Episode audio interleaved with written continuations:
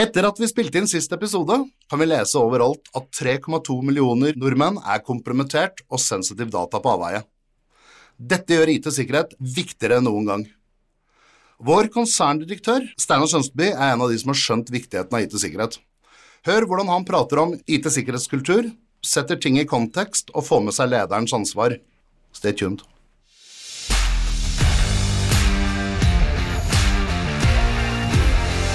Hei sann, og velkommen til en uh, ny episode av podkastet Før alarmen går. Og I dag så har jeg med meg en gjest som jeg har gledet meg innmari til å få lov å intervjue. Og det er uh, sjefen over alle sjefer. det er konserndirektøren i Athea Norge. Eller Athea, det er jo ikke Athea Norge, det er Athea globalt, det, Steinar? Det er det. Du, Steinar, hvem er Steinar Skjønsteby? Oi. Ja, Før alarmen går, liksom? ja, la oss begynne, la oss begynne der. Altså, det, hvem er du? Ja vel. Jeg ble akkurat 60 år, faktisk. Jeg føler det ikke helt sånn, men, eh, men, innimellom, kanskje, når man står opp etter en litt uh, lang natt. Uh, men altså, jeg har vært uh, i IT-bransjen siden slutten av 80-tallet. mange forskjellige lederstillinger leda Skrivevik Data, eh, kom til Tom Allovsen og Merkantildata på slutten av 90-tallet, fikk være med på, på, den tøffe perioden i forbindelse med, med årtusenskiftet. Mm. Eh, og så selvsagt vært så uh, heldig å få lov til å være med på den reisen som, som Mathea er et resultat av i dag, fra 2000 og, 2006. Mm. Før det så studerte jeg i USA. Jeg er ingeniør. Proud so ja, det er bra. Uh, og, men så har jeg uh, studert litt økonomi på sida, så uh, litt av begge deler. Du har, du har bredden? Jeg, jeg, er jo glad for at jeg tok litt økonomiutdannelse nå, når mm. jeg har vært leder i så mange år. Mm. Um, så vokste jeg opp i et et hjem med en bror og mor og far som holdt sammen til, sist, til sin siste dag for et par år siden. Ja. Så, uh, ja, så det er sikkert mye mer eh, spennende ting inni der, men det er liksom rammene for diskusjonen. da, Thomas. Men du vokste opp her på, på i Oslo-området, eller? Ja, eh, født i Oslo og vokste opp i Bærum. Ja, det er, ja, det er ikke så langt unna det jeg har gjort selv, så det, da kjenner jeg jaktmarken i hvert fall. Ikke sant? Ja, jeg gjør det. Eh, interessant dette med ingeniørutdannelsen. Hadde du tenkt, hva tenkte du når du studerte? Skulle, du, skulle du bli toppsjef? Eh, altså når hvilke tanker vokser fram, er jo for veldig mange veldig uklart. Men for meg, som vokste opp med en far som var ekstremt opptatt av at man skulle forstå ting, altså sånn ingeniørforstå, mm. uh, og som var toppsjef, så var det jo ikke helt utenkelig at uh, de to tingene ville falle på plass. Og det begynte jo veldig tidlig med at det, altså det var aldri noe Jeg var aldri i tvil om at jeg skulle bli sivilingeniør. Liksom.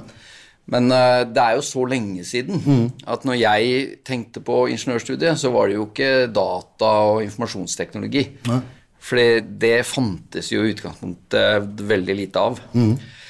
Og, og, det som prega Norge på den tiden jeg vokste opp altså 70, Jeg ble født i 60-tallet, men liksom mm. når, du, når, du, blir preget litt av liksom 70-tallet Eh, så fant jo Norge olje. Ja, eh, og det var liksom det som var det tøffeste for en ingeniør å gjøre. da, Det var med å bygge Altså enten å lete etter oljen, mm. eller å bygge de konstruksjonene som den gangen var helt utenkelig nesten at man mm. skulle klare å bygge. Mm. Som skulle stå ute i Nordsjøen og, og, og, og, eller, og produsere den oljen da, for, og gassen. Så det var jo det jeg ble. Ja. Eh, maskiningeniør, eller mechanical engineering, da, siden det var i USA. Uh, og, og, fikk litt kontakt med IT i USA, helt sånn liksom litt Fortran-programmering og litt tekstbehandling. Liksom det var helt på det grunnleggende. Mm. Uh, og kom tilbake til Norge og begynte helt riktig å jobbe uh, i, i Eh, et selskap som den gangen het MPC, som var delvis eid av Aker og Kverner. Ja. Og som hadde til hensikt å designe, altså rett og slett tegne før produksjon, ja. uh, Gullfaks C. Som var uh, da, ja, og jeg tror fortsatt, en av verdens aller største offshore uh. Så det var jo en Altså For en ingeniør og for en ung gutt, så var det jo en drøm. Ja, ja. Men når var det du skjønte at eh, IT var den nye oljen, da? Jeg vet hva, Det begynte jeg å skjønne helt det siste året i USA. Mm. Uh, uh, da, da begynte det å gå opp for meg at uh, altså menneskehjernen er på veldig, veldig mange ting helt udugelig i forhold til en prosessor. det- Spesielt og da- når du tenker da at dette er eh, 40 år siden, Ja. eller nesten 40 år siden, så og, og hvor mye IT og, og, og, og kapasiteten til datamaskiner har utvikla seg siden den gang. Så allerede en gang så skjønte jeg at altså, det er veldig mange ting vi mennesker er gode på. Eh, det å ta vare på hverandre og masse sånne ting som vi kanskje kan komme litt tilbake til etter hvert. Men sånn ren sånn compute osv., og så videre, det begynte jeg så vidt å forstå. Men det som, det som gjorde at jeg liksom ikke totally got it, det var jo at kommunikasjon, altså datakommunikasjon, fantes jo i utgangspunktet ikke. Nei, og Pre-internett, liksom? Ja, og, og pre egentlig spredernett også for alle praktiske formål. Så, så det var mange begrensninger. Men jeg begynte å forstå det der, og så kom jeg tilbake og begynte å jobbe i Gullfag C. Og så var jeg den eneste av hundrevis av ingeniører. Jeg var den yngste, og jeg var den eneste som hadde tatt i en datamaskin. Så da satt de og tegna meg på, på, på tegnebrett for hånd. Og så begynte jeg etter et års tid så begynte liksom å snakke om hva kan vi gjøre noe her, liksom. Og, og da kom jeg veldig fort inn i IT-bransjen, og så kom jeg, har jeg aldri kommet meg ut igjen. Men hvis vi går tilbake til IT-bransjen, så, så nevnte du jo Athea. Eh, og du er jo stor høvding i de syv land i dag, i Athea. Eh, reisen til Athea Når jeg er ute, og så er det ofte Sist uke så var jeg bare på et, et KINS-seminar, og da satt jeg og pratet med to eh, ja, en kommunedirektør og en ordfører. Jeg er ikke helt sikker på forskjellen her, men eh, det ene snakket jo om ja, det er jo Athea, ja, det er gamle merkantildata. Nei, var ikke det mentor? Hvordan kom vi dit vi er? Ja, altså For det første så er det jo noe med det at vi som får lov til å få litt ære i dag, da, som både du og jeg får, vi står jo på skulderen til noen eh, som virkelig har turt og prøvd og fått til før oss. Eh, og eh, hvis, du, hvis du tar den norske armen på en måte av Athea, så starta jo den eh, for mange mange år siden, over 50 år siden, på slutten av 60-tallet, med Merkantilata. Som var en organisasjon som, som kjørte medlemsregister på stormaskin for sånn som Sykepleierforbundet osv. osv. Og så utvikle seg gjennom teknologiendringer. Var en av de første, eh, hvis ikke det første, IT-selskapet på børs i Norge på midten, slutten av 80-tallet. Eh, og hadde noen storhetstider og noen, noen nedgangstider. Og en av de nedgangstidene var da på, på, på slutten av eh, midten av 80-tallet, hvor, hvor Tom Adolfsen mm. eh, kom inn. Og, og mye er sagt om Tom. Jeg har kjemperespekt for det Tom har fått til, og det han gjorde. Eh, han turte. Og uten at han hadde turt gjennom 90-tallet, både på litt sånn unorsk med å bruke oppkjøp, men også å lene seg framover og være litt tøff på at vi skulle få det til, fra, selv fra lille Norge, så hadde ikke vi vært der i dag. Selv om vi fikk noen tøffe år eh, rett etter 2000-årsskiftet, eh, hvor vi bl.a. Uh, var innom navn som Eterra og Ementor, før, før da i 2006-2007 eh, med sammenslåinger av andre land. eh, sine organisasjoner. Vi, vi tok navnet Athea. Så det er liksom det norske. Men hvis du reiser til Sverige, så har jo de liksom Martinsson og VM-data som sin vugge, ikke sant? Og så drar du til, eh, til Danmark, så er det Top Nordic osv. Drar du til Baltikum, så er det Sonex. Og det som er vår felles historie, det skjedde jo i 2006, hvor, eh, hvor, eh, hvor jeg fikk lov til å være med på å, å, å tegne strategien for det, men hvor, vi, hvor vi da slo sammen disse store organisasjonene i hver av disse fem regionene regionene til Athea. Og dermed så kan du si at Athea som sådan har en historie fra 2006. Men hvert av landene har en historie som Hvis du har vært med 25 år i Sverige, så tenker du ikke på merkantildata fra slutten av 60-tallet. Du tenker på VM-data fra samme tidsepoke osv. Du, jeg nevnte her eh, Adolfsen hadde gjort noe oppkjøp. Du har vel gjort et par oppkjøp du også underveis, har du ikke? jo. Uh, og så lærer man lærer jo av uh, noen. Uh, og jeg tror vi gjorde en opptelling her for tre-fire år siden, i hvert fall rett før pandemien. Mm. og da hadde jeg passert 60. 60 som jeg har på en måte stått ansvarlig for og signert på, på, på avtalen på. og så har det jo blitt en håndfull siden da. Ah. og ikke, vi har vel ikke gjort det siste. Vi, vi kjøpte et selskap som het Gambit i Finland her for halvannen-to uker siden. Okay. Uh, og det kommer nok flere, så, så skal ikke se bort ifra at det blir, blir, mer enn vi har i dag. Ja, skal runde 100, eller? Nei, jeg har ikke noen målsetning om det. Det er litt sånn som idrettsutøver sånn kjedelig sier, vi får ta én kamp av gangen. Uh, men det er faktisk sånn at uh, det å gjøre oppkjøp er, no, er en annen idrettsgren, for, mm. for, å holde oss til idrettsterminologien, enn mm enn det å drive vanlig drift. Mm. Eh, det er veldig mange ting som man bør tenke på, og som erfaring lærer en. Mm. Derfor så pleier jeg å si det at uh, hvis Altså En del organisasjoner de kjøper på en måte, eller gjør, de kjøper et selskap eller gjør et, en fusjon i mm. sin lange levetid. Ikke sant? Det er jævla vanskelig det er, det, det er, krevende kulturelt, og man begynner å slå og lage to navn. og ja. liksom To hovedkvarterer for at man skal ikke tråkke noen på tærne osv. Altså, det der er kjempevanskelig. Men å være det jeg kaller en serieoppkjøper, sånn som vi har vært, mm. det handler om å lage en struktur på hvordan du kjøper selskaper. Være veldig tydelig på hva som er oppe til diskusjon i det enkelte oppkjøpet, og hva som ikke er det. Altså Hvis mm. vi som 8000 mennesker kjøper et selskap med 50 ansatte, mm. så er det ikke noen vits å begynne å diskutere hvilken IT-system vi skal bruke, liksom, eller hvor vi skal flytte, eller hva navnet skal bli osv. Så sånne, sånne diskusjoner er liksom enkle å ta bort. Uh, og så er det en del vanskelige ting, da, ikke sant? fordi du vil ikke ødelegge det selskapet med 50 ansatte osv. Så, videre, sånne ting. så Oppkjøp er en annen idrett, og man bør ha respekt for det, og det har jeg. Og Derfor så tenker jeg i hvert fall ikke lenger enn uh, å være helt sikker på at det siste vi gjorde, uh, går bra. Og det vet vi ikke ennå, for det tar det ganske lang tid ja. før man er sikker på.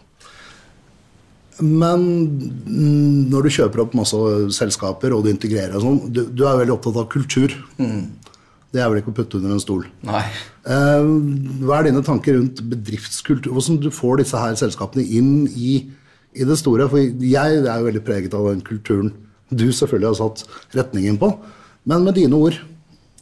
Nei, altså eh, kult, Alle organisasjoner, alle familier, alle idrettslag har minst én kultur. Mm. Mange har også subkulturer, og det er da det begynner å bli komplisert. ikke sant? For det, som er poenget, er ikke at én kultur er riktig og en annen er feil. Du må utvikle Hvis du skal liksom virkelig dyrke kultur som et styringssystem, så må, mm. du, må du sørge for at du har en kultur som passer til det du er der for å gjøre. Mm.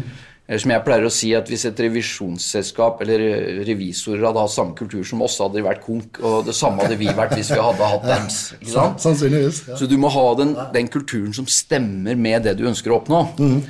Uh, og hvis du får til det, når du får til det, mm. altså bruke kultur som et styringssystem, så får du mennesker som er mye høyere Altså de presterer mye høyere, er mer motivert og er mer selvgående. Mm. Det er liksom hele Litt sånn enkelt sagt. Eh, og hvis vi kjøper et selskap, så, så bruker vi tid på kulturell DD, mm. altså due diligence. Altså vi, vi, prøver å forstå hva er kulturen i det selskapet vi snakker med, mm.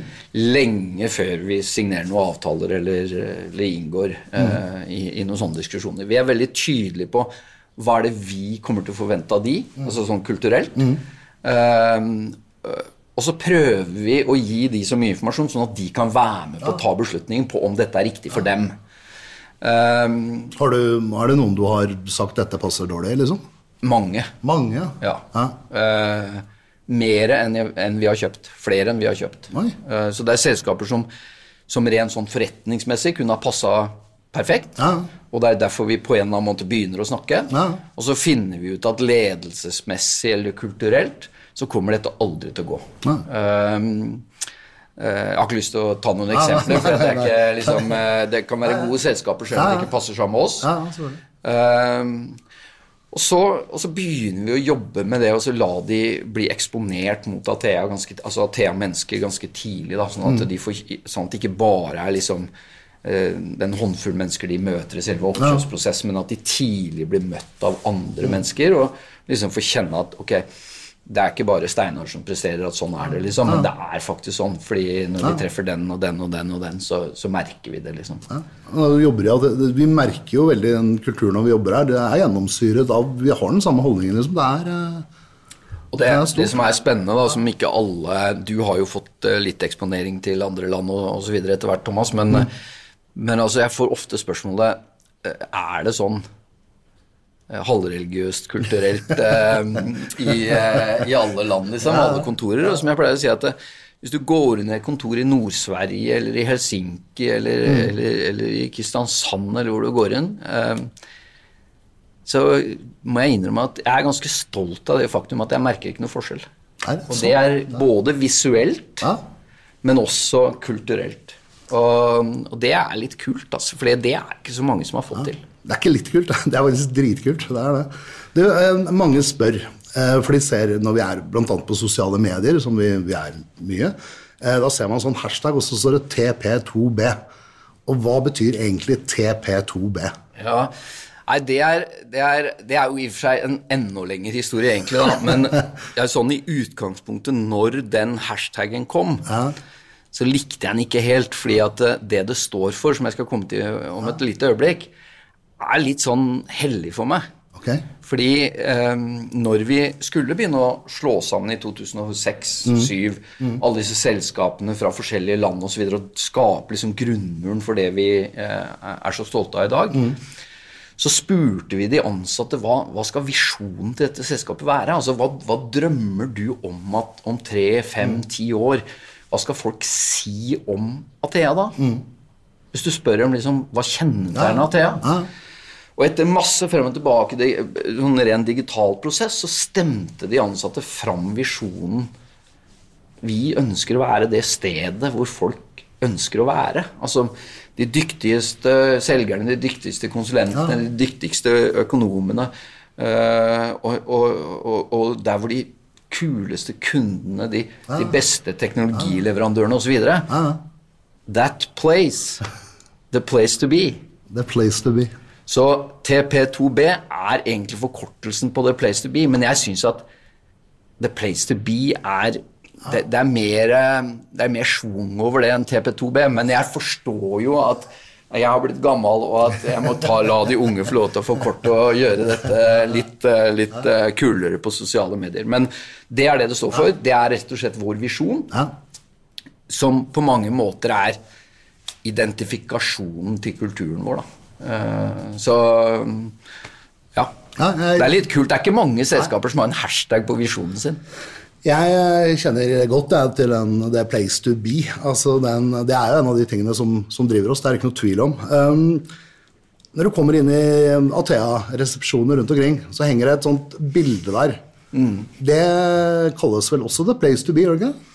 Jo, altså når de ansatte hadde Vi var ikke så mange ansatte. Jeg hadde ikke mye støtteapparat rundt meg, i hvert fall. Um, så, så, når de ansatte hadde stemt fram dette, og det var bestemt at nå skulle visjonen vår bli the place to be, så, altså, så gamle er vi ikke at Google fantes faktisk. Så jeg googla det da The Place to Be, og da kom det opp mye rare greier. Det kom opp noen barer på noen fjelltopper og noen greier i Thailand som jeg ikke vil gjenta. Uh, men det kom også opp dette bildet, som faktisk da heter The Place to Be.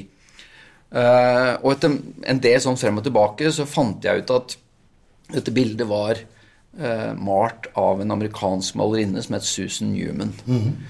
Mm -hmm. uh, og jeg, jeg, fikk etter lenge tak i Susan Newman. Hun er en veldig alternativ kvinne. Okay. Hun har vært i Norge på besøk hos oss i ettertid. vært på Galdhøpiggen sammen med meg. Ja. men veldig alternativ i den forstand at mobiltelefon, det finnes ikke. Okay. Uh, så det tok liksom en stund før jeg fikk tak i henne, og da sa jeg det. 'Susan, jeg har sett dette bildet.' Um, og da sier hun, før jeg fikk fullført setningen, 'Steinar, you'll never get it'. det var jo bare en utfordring for deg. Ikke sant? Og så sier jeg det, 'why?' Så, så sier hun det etterpå. Jeg skal si det på norsk, men altså Hun sier at jeg hadde hatt en drøm, og det er å få et bilde inn på Museum of Modern Art i San Francisco. Og der henger det nå. Og der skal det henge. Eh, du kommer ikke til å få tak i det. No price is big enough. Og, og, og så sa hun 'over my dead body'. Ja, ok. Og det var da jeg tenkte oi, dette ble litt vanskeligere enn jeg hadde tenkt. Men eh, jeg kjøpte det med mine egne penger, faktisk. Og det, sånn at ingen skal vite hva jeg har betalt. Ja, ja. Det ble mye billigere enn jeg trodde når hun sa den setningen. Rett og slett fordi jeg fortalte henne at det skulle være en av Europa Jeg tok i litt, da. En av Europas største IT-selskaper. Vi var jo definitivt ikke det da. Ja, men det har jo gått troll i ord, da. Ja, det kan du si. Men uh, det var definitivt ikke det da. Eh, sitt varemerke osv. osv. Da, da ble hun litt eh, bløtere i stemmen. Så uh, det henger nå, Originalen henger på hovedkontoret, og det henger en kopi på alle våre 86 eh, avdelingskontorer. Ja, helt fantastisk. Det er, det er det som gjør at jeg kjenner meg når jeg går inn på alle kontorene våre. Det er det. Men du, vi er inne på, på kultur. Eh, og du har uttalt at eh, i Norden så er vi kledelige naive. Eh, og vi har det som kalles en tillitskultur. Og det er jo da samfunnet. Hva legger du i det? Nei, altså, for det første ehm, så er jeg jævla glad for at jeg har vokst opp et sted hvor, eh, hvor vi har det akkurat sånn. Eh, og det var nok mer sånn når jeg vokste opp, enn det er i dag. Verden har blitt mer global, og vi er også påvirket av i større grad av internasjonale krefter osv. Uh, enn vi var når, eh, når jeg vokste opp. Men, men selv i dag så er, tror jeg rundt om i verden så er en av styrk, det som blir betegnet som en av styrkene til Norden, det er denne effektiviteten som vi får fra tillitskulturen vår. Altså I Norge, som for å ta det som utgangspunkt, så stoler vi på folk før det motsatte er bevist. Ja, gjør det. Ja. I de fleste andre steder i verden så er det motsatt. Jeg stoler ikke på det Før du har bevist. at jeg kan stole på det. Og det kan i noen tilfeller ta veldig lang tid. Sånn at vi har en effektivitet i dette, men det følger også en naivitet. Og jeg tror at eh, hvis vi liksom skal dra dette litt over i en digital verden, så er det sånn at den naiviteten, den tillitskulturen, den kommer av at vi bor i et lite, bitte lite hjørne med veldig få mennesker.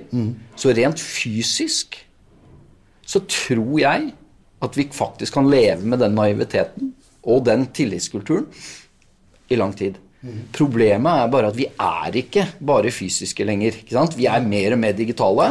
Og du kan si nå er vi nesten 100 digitale. Um, uh, og da eksponeres vi for hele verden.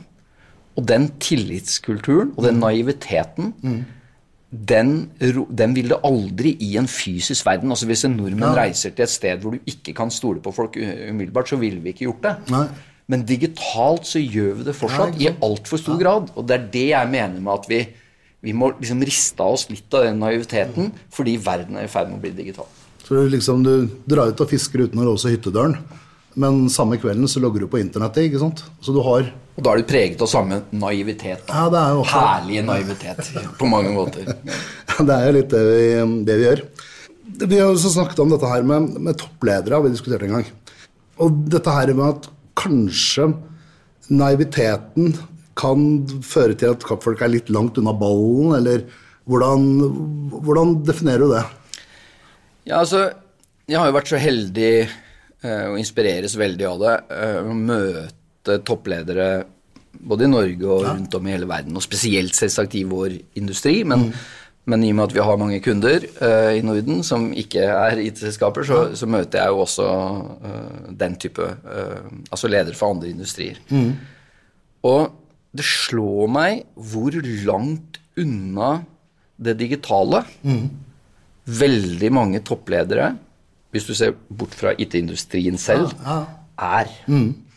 Og ehm, de kan være fantastiske fagpersoner på dagligvarebransjen eller på, på en, eh, energibransjen eller på veldig mange Altså de bransjene de selv er i. Ja. Men de er utrolig langt fra det IT-faglige, eller liksom utfordringene og, og mulighetene. Og eh, spesielt eh, i denne podkasten, altså liksom fokusere på, på, på digital eh, trygghet og Ja. IT-sikkerhet. Ja, for det, er, det har vært et fag altså Du hentet jo meg til Athea i 2013. da jobbet jo jeg for, for Checkpoint den gangen. Men jeg kom jo over for den visjonen du hadde på hva du ønsket å få til med IT-sikkerhet. Og, og det er jo det vi jobber med. Og jeg hadde jo egentlig da aldri møtt noen som på en måte satt så høyt oppe i et system som faktisk forsto hva jeg drev med. Ikke sant? Og Nei, du er jo jeg- veldig jeg- opptatt av dette her. Ja, altså, jeg er opptatt av Eller jeg, jeg blir opptatt av de tingene som jeg opplever er viktig. Ja. Og da bruker jeg tid på å sette meg inn i de. Eh, til mange menneskers store frustrasjon. Fordi i starten så kan jeg kanskje ikke så mye, ikke sant? men jeg er jævla god på å stille masse rare spørsmål. Ja. Um, og Men det er jo med på å gjøre de beslutningene som du gjør. Det er jo det jeg håper, da. Ja, Og det har jo ikke gått så veldig gærent så langt. Så det, Nei, nei, det, vi tar feil, absolutt, men, eh, men med beste intensjon. Eh, Men, eh, men, men jeg mener at de er for lite opptatt av både mulighetene, altså selv å forstå, sette seg inn i, men også truslene. Og, og eh, de er like viktige begge deler, da. Altså, men eh, altså, hvis du ikke har utnyttet mulighetene, så har du heller ikke noe behov for noe å trygge noe, for å si det sånn.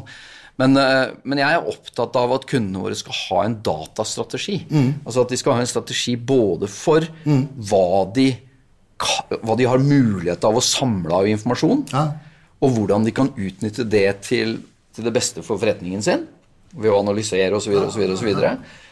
Hvor de skal lagre, og hva de skal lagre. Veldig mye av dataene kan jo deletes i løpet av sekunder, minutter, ikke sant? Fordi det er signaler osv. som du bare trenger akkurat der og da. Eh, men selvsagt også hvordan du skal sikre eh, den informasjonen som du velger, å, velger å spare. Og det blir i veldig stor grad delegert, altså. Ja, det- I større grad enn jeg kunne ønske meg. Tror du det er ingeniørbakgrunnen din som gjør at du, du graver deg ned i og, og, og faktisk ønsker å forstå hvordan det virker? At du på en måte klarer å kalkulere risikoen på hva konsekvensen kan bli for oss på en, større mål, på en annen måte, kanskje? Jeg er helt sikker på at uh, ingeniørbakgrunnen min, altså i hvert fall for meg, har betydd utrolig mye i å klare å forstå ting.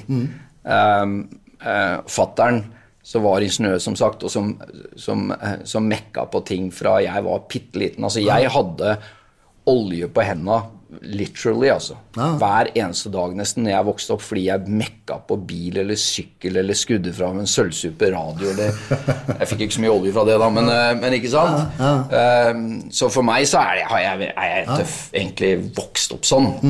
Um, Og Da skjønner du også konsekvensen av at maskineriet ikke funker. Ja, jeg håper i hvert fall at det har gitt meg en mulighet til å forstå, da. Men, det, men jeg, du må jo ikke være ingeniør, selvsagt, selv om jeg syns at alle burde være det. Men, men, men nysgjerrighet hjelper jo ganske mye, da. Ikke sant? Selv om, selv om man eventuelt ikke skulle være ingeniør. Um, og så er det jo, og så er det jo du må omgi deg med noen mennesker som orker, da, som, altså som toppleder, da, som, som orker å bruke tid på å gi deg den forståelsen du, du, du er nysgjerrig nok til å utforske. Da. Men jeg, men jeg syns det er ganske interessant hvis du går Nå husker jeg ikke akkurat, men la oss si hvis du går 15 år tilbake, kanskje 20 år tilbake, så var det jævlig poppis i vår industri. At alle som skulle sitte på toppen, de skulle være det jeg kalte superselgere. Altså Steve Ballmer i Microsoft og John Chambers i, i, i Cisco, bare for å nevne to eksempler. Ja. I dag så sitter Chuck Robins i Cisco. Eh, die hard-ingeniør, vært i Cisco i 30 år. Eh, Satya eh, sitter i Microsoft, die hard-ingeniør. eh, eh, vært 25 år i hvert fall. Kanskje det lenger. Hvorfor tror du det har vært en sånn eh, Nei, jeg tror, jeg tror som, som, som jeg sier med våre kunder også, jeg tror det går så fort. Og vår bransje er så viktig at hvis du ikke forstår, eller i hvert fall har evnen til å kunne sette deg inn i en del av tingene, så mister du enten muligheter, eller du går inn i blindveier. Og ehm, igjen, man skal være litt farlig, ikke sant? Man nå, sitter, nå sitter jeg her som ingeniør selv, men jeg, jeg tror det er viktig La oss, la oss om, vi, om vi kaller det ingeniører eller ikke, da. Jeg tror det er viktig for toppledere i Norge å være nok nysgjerrig til at de kan være med på å forstå hva vi snakker om, både av muligheter og av trusler. Og det tror jeg, det tror du har helt rett i. Um, vi jobber jo med ja, bl.a. IT-sikkerhet. Uh, selvfølgelig også fordi det er mye penger i det. Men vi opplever kanskje at ledelse ikke investerer i IT-sikkerhet. Rett og slett fordi de ikke forstår synergiene rundt dette. De ser på det som en kost på en litt annen måte. Jeg jobber jo med deg, så jeg vet jo hvor mye penger vi bruker på dette. her. Og vi, vi bruker mye penger. Hvorfor tror du Hvorfor tror du selskaper ikke går inn og investerer i IT-sikkerhet på den samme måten? Nei, altså for, jeg, jeg, skal svare på det. Både kompetansemessig og, og selvfølgelig teknologien. Ja. Nei, altså, Jeg tror vi er tilbake der vi startet, Thomas. Mm. Det har noe med naiviteten og tilleggs, eh, tillitskulturen mm. um, Jeg tror det har noe med det vi akkurat snakket om, mm. det, for, det, å virkelig forstå ting. Ja. Så til syvende og sist så blir det å bruke penger på noe som ikke gir noen ting i det hele tatt, ja. før det smeller ja, Som en forsikring? Ikke sant? Det, er, det, er, jo ikke helt sant at det er sånn. Fordi eh, veldig mye av den informasjonen som blir borte, den vet du ikke engang har blitt borte. Og dette kan du mye bedre enn meg, og det er egne ansatte som tar med seg når de slutter osv. Så videre, sånne ting. Men, men for mange så blir det sånn at det blir ikke alvor før det blei alvor, gitt. Altså når det smalt. Ja, ja. Da skjønner vi at vi må forsikre oss. Um, eller da uh, investere i, i, i teknologi. Um, det blir jo ikke nødvendigvis noen bilder av å gjøre det sånn? Nei, det blir som regel dyrere, ikke sant? for da må du først rydde opp i den uh, saken som skjedde uten at du har liksom hatt det, og så må du i tillegg bygge opp. Og det er jo ikke snakk om om, det er snakk om når, mm. for de fleste eller alle institusjoner og enkeltmennesker. Eh, før du blir, eh, får, får, problemer med mm. digital sikkerhet. Og det, det er dessverre en, en, en, mørk side, for kan du si det sånn, mm. av, av, det å digitalisere. Mm. Men heldigvis så, så, gir det også mye mer positive gevinster. Ja. Og noe av den gevinsten må man rett og slett investere i, mm. i å sikre mm. informasjonen. Og det handler veldig mye om tilbake til det du spurte meg om i stad, nemlig kultur. Ikke sant? Fordi sikkerhet handler litt om teknologi, mm. og så handler det veldig mye om arkitektur og forståelse og, og egne ansattes kultur. Det er helt riktig, og, og vi ansatte vi er jo førstelinje skanse mot truslene. Så jeg vet jo Vi har jo mye kurs, og du legger jo, fasiliterer jo mye for den type ting. Ja, og jeg tar de selv òg. Jeg, synes det er, Noen ganger syns jeg dere lager veldig vanskelige eksamener, men, eh, men, eh, men, jeg har kommet meg gjennom så langt. Ja, altså, det, det, det, er ikke gærent, altså. Ja, Det er faktisk veldig bra, for jeg vet jo at jeg er ganske komplisert, en del av de kursene vi faktisk kjører. Men Athea har jo et samfunnsansvar. Altså, vi er Vi har 24 kontorer i Norge, 22 kontorer i Norge. Vi omsetter for jeg vet ikke, 10 milliarder eller noe sånt. Og vi har enormt mange kunder. Egentlig så er det jo sånn at politiet kommer jo inn og passer på der hvor det har skjedd noe. Forsvaret tar jo vare på Forsvaret. Eh, Nasjonal sikkerhetsmyndighet tar jo vare på de 200 største virksomhetene i Norge. Men alle hjørnesteinsbedrifter, som faktisk er 600 000 eller noe i Norge, de må forholde seg til noen private aktører. Og det er jo sånne som oss. Vi tar et stort samfunnsansvar. Og jeg vet at du er jo opptatt av å, å, være med og fortelle historien. Du er jo opptatt av å, å være der ute og, og, på sikkerhetsdager altså prate til forsamlingene og fortelle vår historie. Hvordan er dette med samfunnsansvar når vi blir så store som Mathea? Du, du føler på det?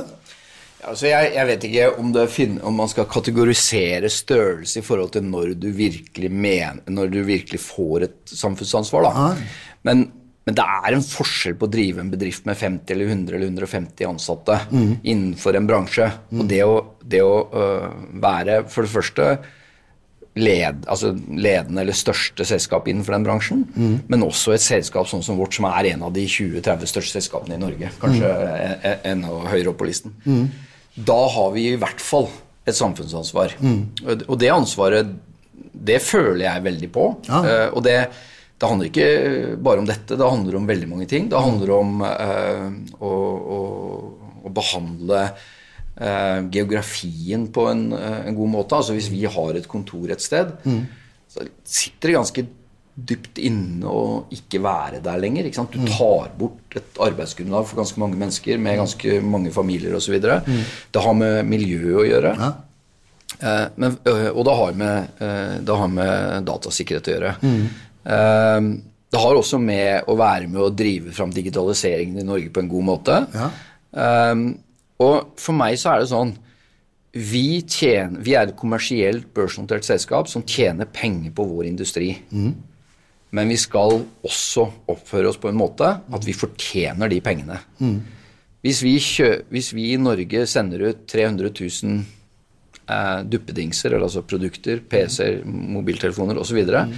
så skal vi også sørge for å ta de tilbake igjen. Mm. Resirkulering, mm. sirkulær økonomi. Mm. Eh, når vi er med og digitaliserer informasjon, gjør den tilgjengelig, eksponerer den for verden, mm. Så skal vi også være med og eh, hjelpe dem med å sikre den informasjonen. Så så det er, liksom, det er, to ting her. Det ene er et samfunnsansvar fordi vi er en stor bedrift. Mm. Og det andre er et reelt ansvar for det vi tjener penger på. Mm. At det også gjøres på en fornuftig måte. Og jeg vet ikke om det egentlig kan kalles et samfunnsansvar, selv om det jo på en måte er det. Men det er et mer direkte ansvar overfor de kundene som vi jobber med, da. Mm. Ja, det er jo, det er jo Jeg har jo lagt merke til at innimellom, så hvorfor gjør man det sånn? Jo, for det er det riktige å gjøre. Mm. Ikke sant? Det koster kanskje litt mer, men vi gjør det for det er riktig å gjøre. Når du sitter her og tenker, Hva er ditt beste råd til toppledere, eller ledere generelt, eh, når det kommer til dette rundt IT-sikkerhet? Altså, dette her for virksomheten. Altså, som øverste leder så har du ansvaret for IT-sikkerheten. Mm. Det er noe du kjenner på. Hvordan, hvordan, vil du få andre med deg på det? Nei, altså, jeg tror at enten det er IT-sikkerhet eller det er et annet litt teknisk eh, område, mm så tror jeg det alltid hjelper å spørre de menneskene som holder på med det i din bedrift, mm. om, de, eh, om et eller annet. Mm. Altså som gjør, som, som gjør, at du, snakker med dem om det som er viktig for dem. Det er viktig for dem, mm. for deres motivasjon og, og, og, og, hvordan de eh, approacher jobben sin. Mm. Men jeg tror at når det gjelder akkurat dette området her, sikkert en del andre områder, men i hvert fall dette området her, altså IT-sikkerhet, så er det også viktig for toppsjefen å få litt innføring. F.eks. Få et beslutningsgrunnlag? Ja. Og, og litt kunnskap mm. til å være med og diskutere for å få fram et beslutningsgrunnlag. Mm. Så f.eks. du, eh, Petter, IT-ekspert. Jeg, jeg, leste i avisen i går at sånn og sånn bedrift var hacka. Mm. Kjenner du noe til hvordan det skjedde? Hvem er det det kom? Hvor kom mm. det fra? Uh, uh, og så får du kanskje noe svar på det. ikke sant? Ja, Kanskje var det noen guttestreker, men mest sannsynlig så var det i arbeidstida fra et eller annet land ja. langt unna. Uh, ok, hva, hva ville skjedd hvis de prøvde seg på oss? Mm. Altså, Det er jo noen enkle ting. du, ja. dette, jeg har ikke tid akkurat nå, for jeg skal løpe inn i et møte, men kan vi sette av en halvtime neste uke? Ja til, å, til, hvor du kan fortelle meg litt mer om det. For da gir du også vedkommende muligheten til å forberede seg litt. Du er jo tross alt toppsjefen, det kan være noen som syns det er litt truende, men gi dem litt tid til å forberede seg, og så, og så sett deg ned og bare lytt på dem. Mm. Ikke på kontoret ditt, men på kontoret dems, hvis de har kontor, eller på et møterom der de holder til. Eh, så egentlig kort vær nysgjerrig, vær interessert. Og for de som tror han bare bruker dette som gode eksempler, så, så vet jeg førstehånd at når ting skjer, så ringer du og ber om tid og setter av. Og det er jo selvfølgelig med på å la deg ta de beslutningene som er. Vi, jeg lover deg hver gang du spør, så løper vi og finner informasjonen. så det, vi er med på det. Og det gjør vel kanskje at jeg sitter her nå det er helt riktig. Det er helt riktig. Du, helt sånn avslutningsvis så pleier vi å stille et sånt spørsmål, og det er hva er din favoritt-smart-device? Kan du definere en én, eller er det vanskelig? Nei, nei, ja. Vet du hva, eh, da tror jeg Altså, jeg syns jo eh, Devicer er ganske kule, egentlig, da. Eh, men jeg flytta inn i en ny leilighet her i desember. Okay. Etter 25 år i et gammelt hus. Og jeg hadde ikke tenkt så jævla mye på det når jeg, i, i liksom kjøpsprosessen, og sånn, for det var ikke det som var attributtet som jeg tente på. Men i dag, tre måneder etterpå, fire måneder etterpå, så må jeg si at altså Fordi det var en smarthusløsning i okay. dette. Og den, den styrer alt i denne leiligheten. Alt fra gardiner til lys til eh, Ja, absolutt alt. Ikke sant? Varme. Uh, og, og det er sånn at jeg, hvis en stikkontakt ikke virker, så må jeg ringe til eh, han programmereren. Okay. Som gjør at det kommer strøm i den stikkontakten. For alt styres fra denne hjernen. Og i starten så hata jeg det, Thomas. Det gjorde det. Ja, Det er vanskelig å si som en ingeniør som nå har sagt at han klarer å henge med på ting. Jeg ser for meg sånne reklamer på TV der hvor det kommer måker og Jeg var, akkurat, jeg var akkurat der, ikke sant? Uh, fordi at jeg er vant til å kunne gjøre alle sånne ting sjøl. Ja. Man skal vel ikke være elektriker på si, men altså, jeg har vært vant til å kunne gjøre alt sånn. Mm. Hadde ikke peiling. ikke? Så, så det som skjedde da, det var at jeg eh, Og så hadde jo til og med Jeg skal ikke si hva slags smarthusløsning her nå, men, eh, men de hadde jo til og med gått konk, de som importerte dette her. Men jeg fant fram til en kar, islandsk kar. Jævla fin fyr. eh, og og, og da fikk jeg han til å komme hjem da, til meg. Da brukte jeg en dag sammen med han Ja. For å lære å bruke huset ditt? for å lære å bruke huset mitt. Og han, liksom, han følte at jeg hang over skulderen hans og alt mulig rart, og lurte på om ikke jeg måtte, hadde noe møte jeg måtte i snart. liksom. Eh, for han hadde jo funnet ut hvem jeg var og sånn før han kom, da, tydeligvis. Så, så han, han syntes det var jævla rart at jeg drev og hang over skulderen hans i ni timer, da. Men altså, i dag Jeg elsker den smarthusløsningen som styrer hele altså det er Når jeg kommer inn, så trykker jeg på en knapp, så går, er alt sånn som jeg vil. Ja. Eh, lys går av og på, eh, og går inn i et rom, så slår lyset på pga. følere. Altså varmen skrus opp og ned på tider på døgnet osv. Og, så og jeg kan bare sende en mail til, til programmeringskompisen min, og så, så endrer vi på ting, og knapper for andre farver. Altså, det er helt fantastisk. Men jeg hata det i tre uker før jeg klarte å finne ut av det. Det er, jo, det er jo helt fantastisk å høre. Da. Det, er, det er litt sånn futuriske videoer man har sett, nesten. Ja, men Og så tror jeg jo det er mange som er mer avanserte enn det jeg er, eller enn min løsning også. Men, men eh, jeg er ikke helt sikker på hva mer jeg Jeg kan skru opp og ned temperaturen på vinskapet mitt. Jeg kan, det er mange greier, altså. Så, så, og vinskapet er viktig for meg. Så Nei, så, så det må jo være min eh, Eller det er helt klart nå min favorittgreie, altså. Du lever egentlig i din smart device. da. Jeg lever, øh, og så kan det jo hende noen som kan dette enda bedre enn meg, sier at du må passe deg, Steinar, for du blir overvåka og alt mulig. Men altså, så hemmelig er ikke det som foregår hjemme der. Det er helt fantastisk. Du, Da sier jeg tusen takk for at du tok deg tid til å komme hit. Jeg syns dette var superinteressant, og, og det er jeg helt sikker på at mange andre gjør også. Eh, for dere der ute, stay tuned. Vi eh, kommer ut med en ny episode av Før alarmen går. Og takk til Steinar Sønsteli.